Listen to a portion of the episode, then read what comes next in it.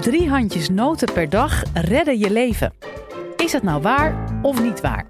Onderzoek naar gezondheid belandt met regelmaat een tikkie overdreven in de krant. En hoewel het niet altijd met opzet gebeurt, kan het voor gevaarlijke situaties zorgen zodra mensen deze riskante adviezen gaan opvolgen. In deze podcast vertelt Jonica Smeets van de Universiteit Leiden hoe dit soort nieuws ontstaat en hoe jij overdreven bevindingen voortaan zelf kunt herkennen.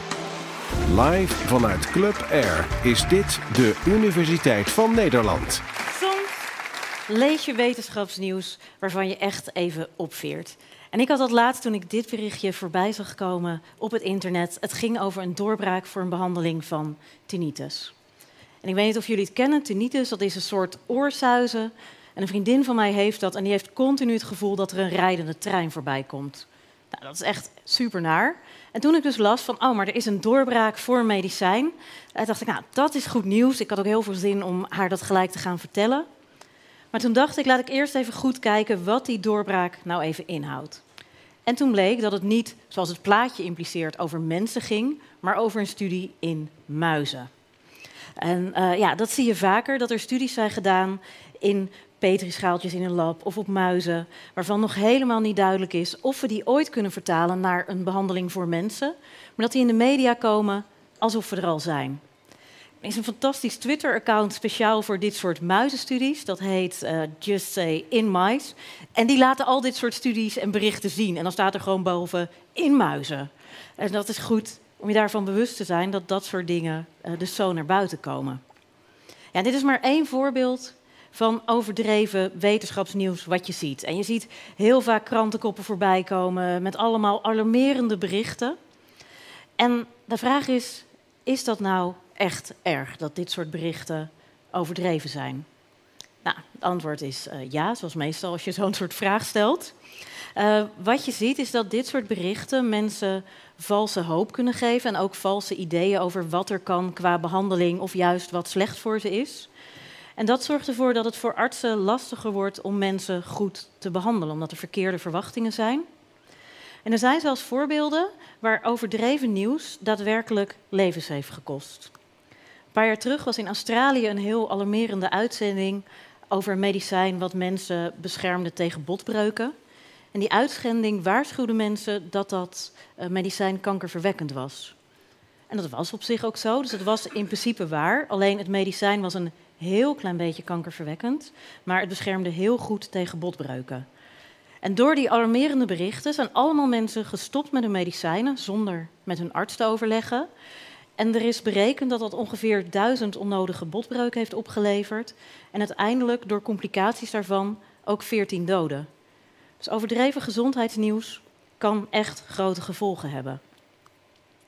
En het gaat tegenwoordig vaak over nepnieuws. En wat hier moeilijk en ook interessant aan is, is dat het vaak geen verzonnen nieuws is, maar dat het begint vanuit een wetenschappelijke studie die op zich klopt, maar dan conclusies trekt die niet kloppen. En dat dat dus al gevolgen heeft. Het is niet verzonnen, het is een overdrijving, het trekken van te sterke conclusies. Ja, en ik ben hoogleraar wetenschapscommunicatie en ik doe onderzoek naar waar dit soort overdrijvingen nu vandaan komen. En hopelijk ook hoe we kunnen zorgen dat het nieuws straks beter wordt. Bijvoorbeeld, er was een krantenkop die we zagen: creatieveling heeft minder kans op Parkinson. En dat was een studie die had aangetoond dat mensen die een artistiek beroep hadden, bijvoorbeeld schilder of acteur of muzikant, dat die latere leeftijd minder vaak de ziekte van Parkinson hadden. De ziekte van Parkinson dat is een uh, zenuwziekte waarbij zenuwcellen afsterven en mensen uh, bijvoorbeeld minder goed kunnen bewegen. Ja, en het artikel in de krant zei ook dat dus misschien wel zo'n artistiek beroep je beschermde tegen die ziekte van Parkinson. Nou, een van mijn hobby's is als ik dit soort krantenberichten zie, om te kijken, nou, wat zei de wetenschappelijke studie nou eigenlijk echt? Nou, in dit geval bleek dat de wetenschappelijke studie het had over een verband tussen die twee dingen. Dus de studie zei creatieve beroepen zijn geassocieerd met verminderde kans op de ziekte van Parkinson. En dat betekent dat je eigenlijk niet weet in welke richting het opwerkt. Het zou ook best kunnen dat mensen uh, in een vroege fase van de ziekte van Parkinson met een creatief beroep uh, moeten stoppen met hun beroep en iets anders gaan doen. En dan is het dus de andere kant op eigenlijk, dat de ziekte van Parkinson ervoor stopt dat ze niet meer hun creatieve beroep doen. Wat heel aardig was aan dit voorbeeld, um, was dat we ook in ons materiaal een factcheck vonden van een andere krant. Die had dus gekeken van klopt dat wel, wat die andere krant eigenlijk zegt. En zij hadden dan ook uh, de onderzoekers gebeld. En die zeiden, nou, hier is de media er wel een beetje mee vandoor gegaan. Iemand zei, wat er tot nu toe in de media is verschenen, is niet een volledig correcte weergave van ons artikel. Een andere onderzoeker zei ook van, nou, dat, uh, dat een creatief beroep beschermend kan werken tegen de ziekte van Parkinson, dat zouden wij nooit zeggen. Helaas voor hen heb ik nog een hobby. Uh, dat is namelijk het zoeken van persberichten. Uh, de universiteit stuurt vaak een persbericht uit als er zo'n wetenschappelijk artikel uitkomt. En die kan je ook opzoeken. En wat was nou de titel van het persbericht? Bijna letterlijk hetzelfde als in die eerste krant. Ouderen met creatief beroep heeft minder kans op Parkinson.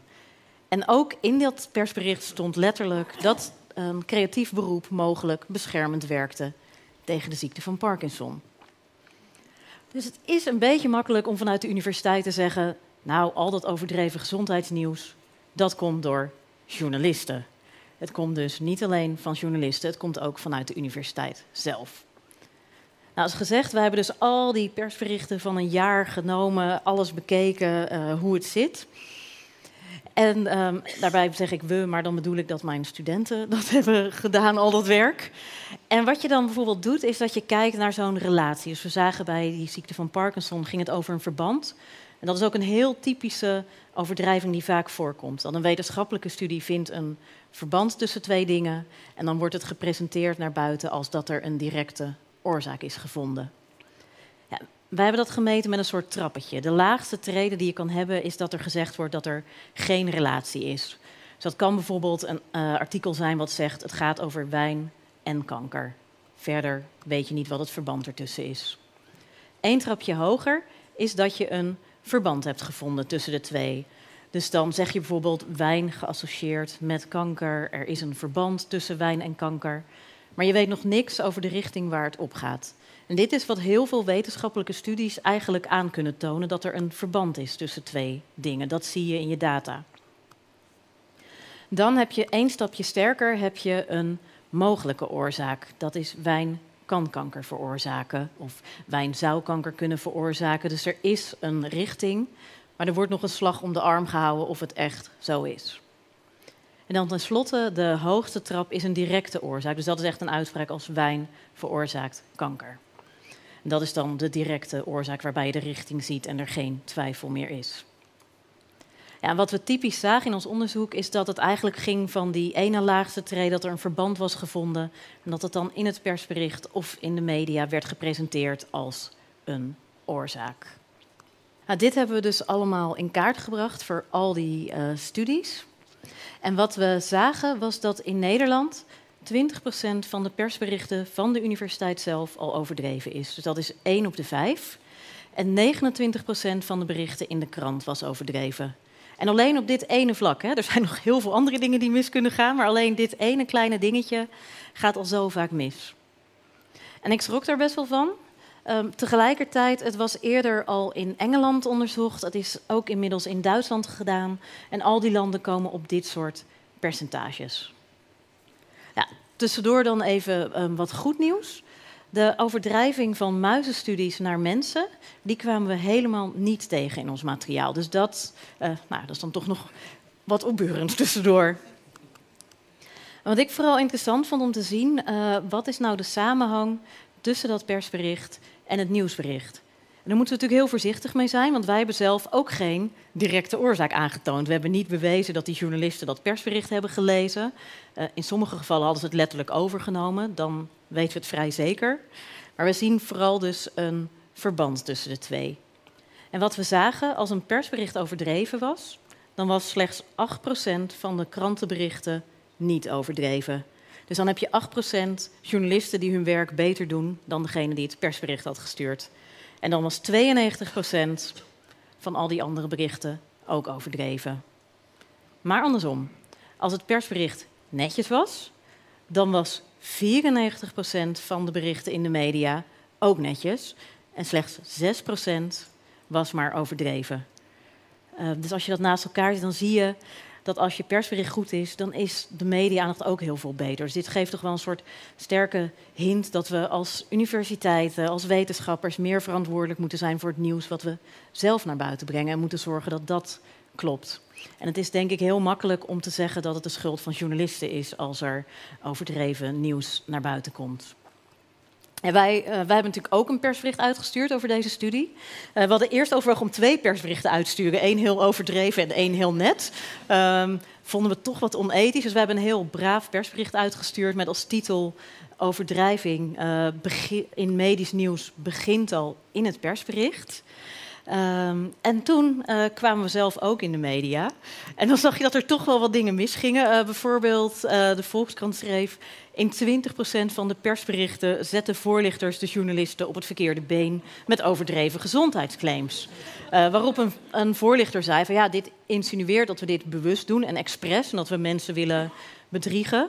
Terwijl heel veel van dit soort overdrijvingen misschien wel per komen. Dat mensen gewoon iets korter op moeten schrijven en daarbij de nuance kwijtraken. Want het zeggen, dit is misschien geassocieerd met, is een stuk lastiger dan dit veroorzaakt dat. Dus je weet niet of er opzet is. Hetzelfde geldt voor een krantenkop in trouw. Universiteiten leggen het er in persberichten graag dik bovenop. Uh, hè, je ziet ze allemaal zich zitten verkneukelen hierover. Maar de allerergste was een uh, blog, uh, De Imperatief. Die schreven geen nieuws is zo onbetrouwbaar als gezondheidsnieuws. nou, dat hebben we niet gemeten. Um, nou is natuurlijk de vraag, wat kun je hier nou mee als je zelf nieuws ziet voorbij komen? Wat heb je hier nou aan? Nou, ik heb een paar praktische tips. Uh, het eerste is om, je, om te kijken of je kunt zien of het überhaupt wel gedaan is op mensen. En als je dat niet kan terugvinden, uh, om je ook af te vragen, is het aannemelijk? Um, zou dit echt wel op mensen kunnen? Zou dat ethisch verantwoord zijn? Of is het toch waarschijnlijker dat het nog ergens een paar fases ervoor zit? Je kunt je ook afvragen als je nieuws ziet, um, is het wel aannemelijk dat er een oorzaak is gevonden? Zou het niet waarschijnlijker zijn dat ze een verband hebben en eigenlijk niet zeker weten welke kant dat op werkt? Ja, en wat het beste werkt, is natuurlijk zelf die studie opzoeken. Um, maar ik begrijp dat niet iedereen diezelfde hobby's heeft en daar tijd voor heeft. En daarom heb ik nog één handige shortcut die uit ons onderzoek komt. En dat is dat je kunt kijken of het nieuws wat je leest, of daarin ook een onafhankelijke expert aan het woord komt. Dus iemand die verstand heeft van het onderwerp, maar niet zelf die studie heeft gedaan, uh, of die commentaar geeft. En een voorbeeld bijvoorbeeld daarvan, wat we ook tegenkwamen toen we dit bestudeerden. Um, ik weet niet of je je nog herinneren, er waren een paar jaar terug heel veel berichten over hoe fantastisch noten waren. Want er was een studie die had laten zien dat als je een handje noten at, dat je dan veel langer zou leven. Was werkelijk fantastisch. Uh, allerlei berichten van handje noten en alles komt goed. En toen was er ook een artikel waarin een uh, onafhankelijke expert werd opgevoerd. En die zei: Ja, jongens, ik zou wel nut zijn om te denken dat alleen het eten van wat noten mijn leven kan verlengen. En dat zie je heel vaak, dat als er overdreven berichten zijn en er wordt een onafhankelijke expert geciteerd, dat die het toch vaak wel wat relativeert. En we hebben gekeken naar dit soort overdrijvingen en het verband met experts in zowel Brits als Nederlands materiaal. En wat we zagen, als je een artikel hebt waar geen citaat van een onafhankelijk expert in staat, dan is 28% van de gevallen overdreven. En de rest is dan oké. Maar als je een uh, artikel hebt waarin een onafhankelijke expert wordt opgevoerd, dan is maar 13% overdreven. Het is nog steeds niet perfect, maar wel beter dan als je geen expert hebt. Wat wel heel jammer is, um, dat bleek dat maar 10% van de artikelen überhaupt een onafhankelijke expert opvoerde. Uh, dat vond ik echt enorm tegenvallen. Heel veel journalistieke handboeken zeggen als er ingewikkeld nieuws over wetenschap komt, moet je als journalist altijd een onafhankelijk expert raadplegen en die ook laten zien in je artikel. Dat gebeurt dus best wel weinig. Ja, dus als we het even samenvatten, kan het nieuws volgen dodelijk zijn? Ja, dat kan, zoals we zagen in dat voorbeeld van het Australische tv-programma. En je weet ook hoe je naar dit soort nieuws kunt kijken en hoe je het kunt herkennen. Dus wat ik heel erg hoop, de volgende keer dat jullie zo'n soort berichtje zien, pas op, pikant eten beschadigt je hersenen. Vraag jezelf dan heel even af: denken jullie echt dat wetenschappers dit aangetrand hebben? Of is het misschien een tikje overdreven? Wil je nou meer afleveringen van de Universiteit van Nederland horen? Check de hele playlist en ontdek het antwoord op vele andere vragen.